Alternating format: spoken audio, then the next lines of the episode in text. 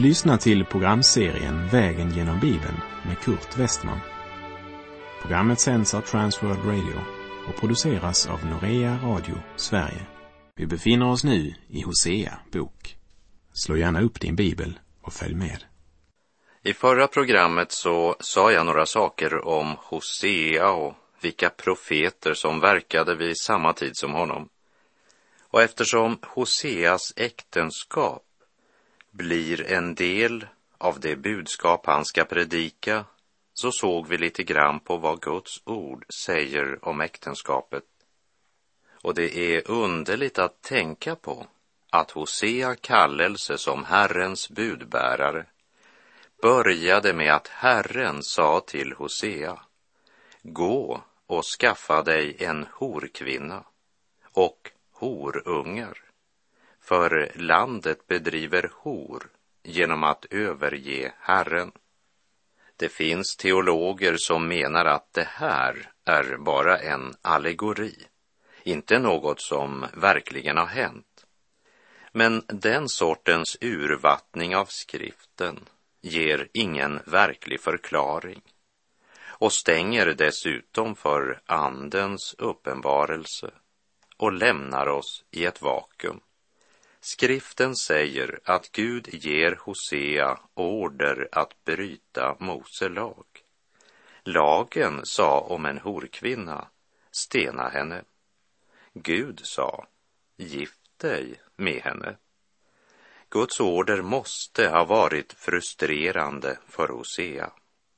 Att gå in i något som han redan i förväg visste bara skulle ge honom sorg och smärta ingen trohet, ingen trygghet.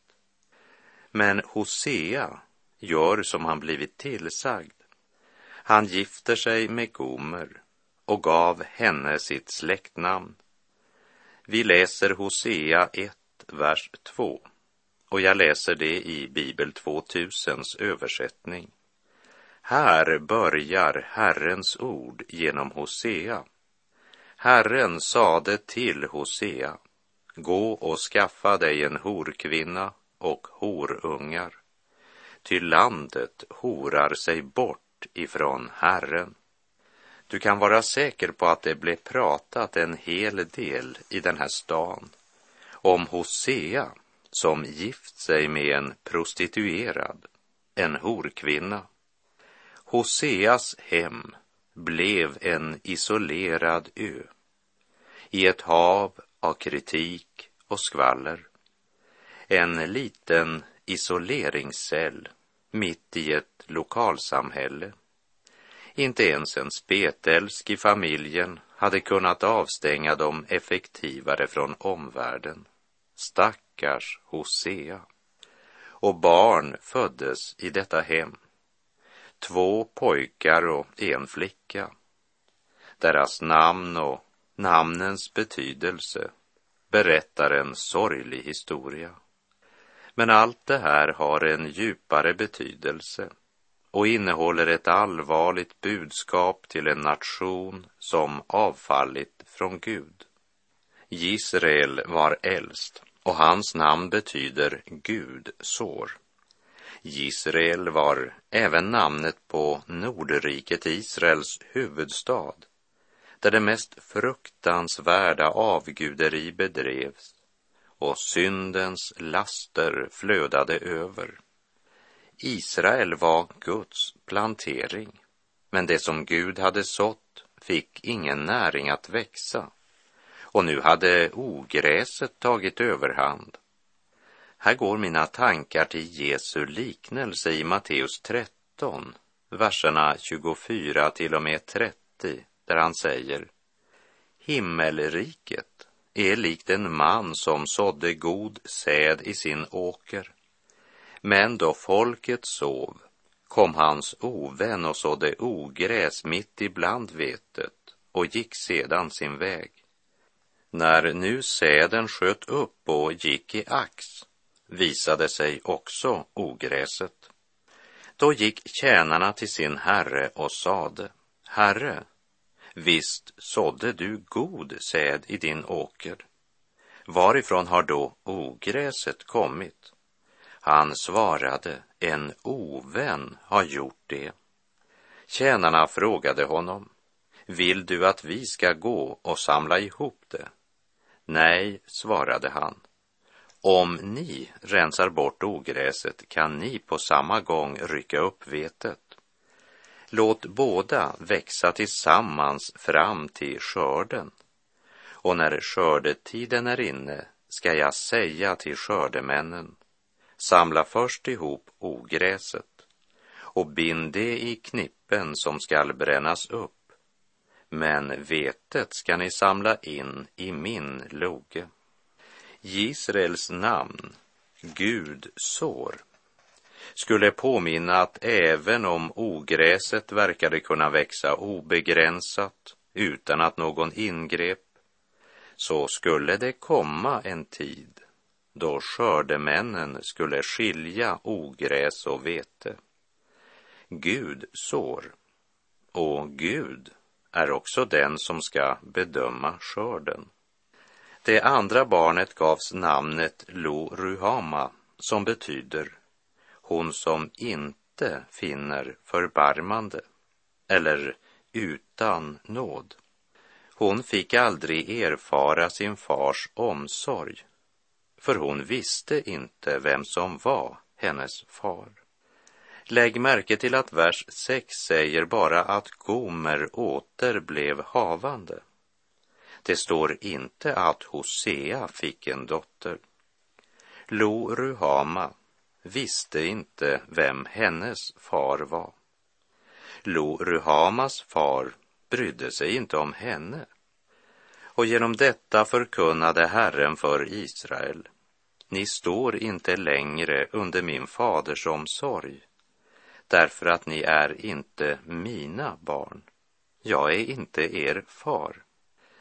Det tredje barnet var Lo Ami, som betyder inte mitt folk. Om vi placerar det i singularform så betyder det inte mitt barn. Vilket budskap till folket på Hosea tid och vilket budskap till oss som lever idag i en tid då liberalteologer hävdar att vi alla är Guds barn. Men Gud säger att det är inte sant. Han har inga oäkta barn. Gud säger, jag vet vilka som är mina barn. Och mina barn är inte en produkt av något som förenats eller formats genom någon människas verk. Gud är alla människors skapare. Gud har skapat alla människor till sin avbild, men det är inte alla människor som har Gud till sin far. Många har vänt Gud ryggen och lever inte längre som Guds barn. I Johannes evangeliets åttonde kapitel säger Jesus, och du ska lägga märke till i vers 31, att det är till de judar som hade satt tro till honom, alltså sådana som bekände honom som Messias, som han säger, och jag citerar Johannes 8, verserna 42 till och med 44. Vore Gud er fader skulle ni älska mig eftersom jag har utgått från Gud och kommer från honom. Jag har inte kommit av mig själv, utan han har sänt mig. Varför förstår ni inte vad jag säger? därför att ni inte kan lyssna till mitt ord. Ni har djävulen till er fader, och vad er fader har begärt till, det vill ni göra. Så dessa som alltså yttre sett hade bekännelsen av att de trodde på Gud, hade ändå inte Gud till far och kunde inte kalla sig Guds barn. Jesus kan inte säga det tydligare än vad han gör i Johannes evangeliets åttonde kapitel. Lo-ami betyder alltså inte mitt folk. Och nu är det dig och mig det gäller. Är du en Lo-ami? Eller ett äkta Guds barn? Det är frågan. Meditera över det en stund medan du låter orden ifrån Johannes 1.12 tala om för dig att du kan få bli ett äkta Guds barn idag om du inte redan är det. Hör vad skriften vittnar i Johannes 1, vers 12. Men åt alla dem som tog emot honom gav han rätt att bli Guds barn, åt dem som tror på hans namn.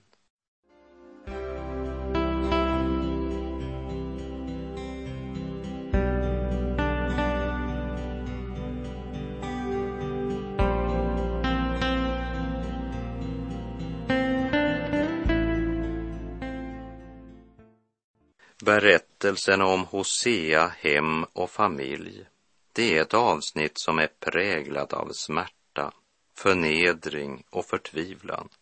Och det slutar inte där. Utan Gomer ger sig iväg, överger hemmet och återgår till sitt gamla liv för att tjäna mera och vinna något av det som upptog hennes hjärta. Och det var i alla fall inte mannen. Inte ens barnen verkar betyda så mycket. Hon återvänder till prostitutionen. Och nu har man väl nästan väntat att Gud skulle säga Okej, okay, Hosea. Du har gjort allt du kunde. Du försökte hjälpa denna kvinna till ett anständigt liv. Men det var inte till någon nytta. Så bara låt henne gå. Men istället säger Gud, gå och hämta henne till dig. Och Hosea gick för att hämta henne, tala om förnedring. Men Hosea gick. Men Gomer vägrade att komma tillbaka. Då sänder Hosea hennes barn för att vädja till sin mor att hon ska återvända hem. Men inte ens det fick henne att vända hem igen, utan sedan sålde hon sig själv till slav. Synden gör alltid människan till träl, förr eller senare. Och då går Hosea och köper henne fri och återför henne till hemmet. Vilken illustration av vår Herre och Frälsare. Han har skapat oss och vi tillhör honom. Men vi vände honom ryggen och gick vår egen väg och gav vår tid, vår kärlek och vårt intresse till det som är här i världen. Och medan vi ännu var syndare kom han ner till vår jord och köpte oss fria. Vi som var avskyvärda i vårt avfall. Han gjorde oss till sina äkta barn genom sin försoningsdöd. Vilken gränslös omsorg, vilken barmhärtighet barmhärtighet och kärlek. Och nu kan vi fråga oss, blev Gomer en trofast hustru efter denna underbara erfarenhet? Ja, det får vi faktiskt inte veta. Men vad vi vet, det är att Hosea, märkt av skammen, går ut från hemmet för att träda fram inför nationen med ett brustet hjärta, för att ropa ut sitt budskap medan tårarna väter hans kinder.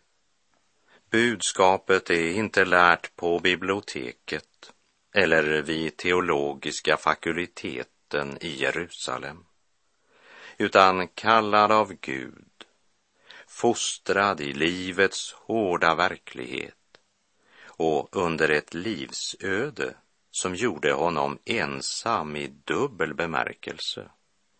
Dagar och år som gett honom djupa hjärtesår, tårar, nöd och förnedring. Men mitt i allt detta var Gud. Med hårblanka ögon och en stämma präglad av smärta ropar Hosea ut Guds budskap till nationen. Ni har svikit Gud. Och jag vet hur Gud känner det. För jag har upplevt det i mitt eget liv. Gud gråter den olyckliga kärlekens tårar. Kärleken som om och om igen under lång tid räckt ut handen utan att kärleken besvarats. Ni har krossat Guds hjärta. Han pekade ut nationen som skyldig och förkunnade att den utpekade var skyldig till brotten över alla brott. Han lät dem i klartext veta att deras synd var svartare än den svartaste natt och att de måste ha klart för sig att det nu närmade sig tiden då Guds rättfärdiga dom skulle drabba dem. Det här folket som hade känt Gud och som han hade befriat från träldomen i Egypten och till vilka han hade sagt ni har sett vad jag har gjort med egyptierna och hur jag burit er på örnvingar och fört er till min närhet. Men de vände sig inte till Gud. De vände Gud ryggen och gjorde sig en guldkalv som de dansade runt omkring. Och inte ens på Hosea tid hade de lärt något alls av vad de erfarit av Guds omsorg och Guds tuktan. För vid den här tiden så stod det två guldkalvar uppställda i Israel. Den ena i Betel och den andra i Dan. Det folk som Gud hade förlossat från Egypten och gett sin heliga lag och kallat att vara hans egendom. Det folket vände Gud ryggen och hängav sig åt kalvtillbedjan. Israel blev skökan som svek sin brudgum. Deras synd var den värsta synd som kan begås. Nu säger du kanske, jag trodde att otro var den värsta synden. Och på ett sätt så är otro den värsta synden. Men det är inte en handling utan ett tillstånd. Vi är alla födda i uppror mot Gud. Men pris ske Gud, Jesus har betalat straffet för våra synder. Och om du och jag tar emot honom i tro och praktiserar vår tro frälser han oss. Visst är det sant att otron är en fruktansvärd synd för vilken det inte finns någon förlossning. För räddningen är att lita på Kristus och om du fortsätter i otro så förkastar du ju räddningen.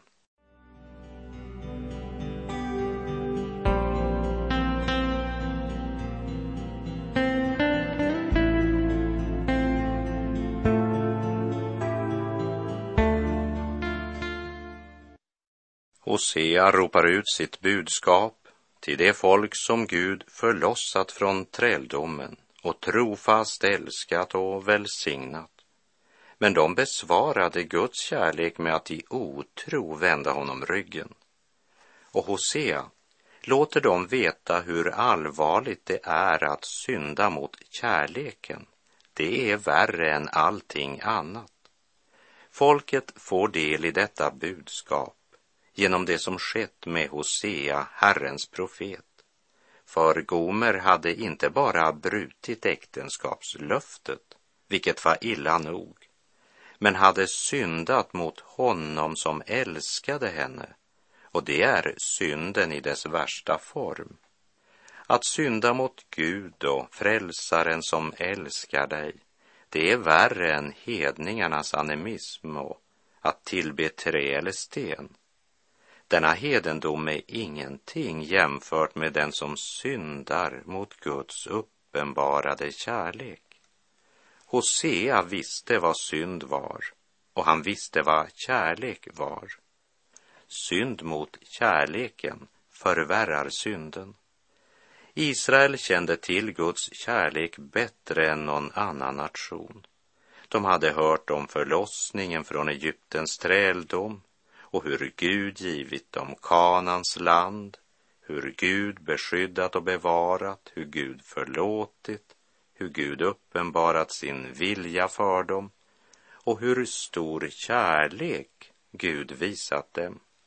Ändå vände de sig till avgudarna och sjönk djupt i omoral, en synd långt allvarligare än någon hedendom. Men inte ens nu har Gud gett upp. Kärleken ska triumfera. Låt mig här bara citera tre olika verser från Hosea bok. Först Hosea 4.17. Efraim står i förbund med avgudar, låt honom vara.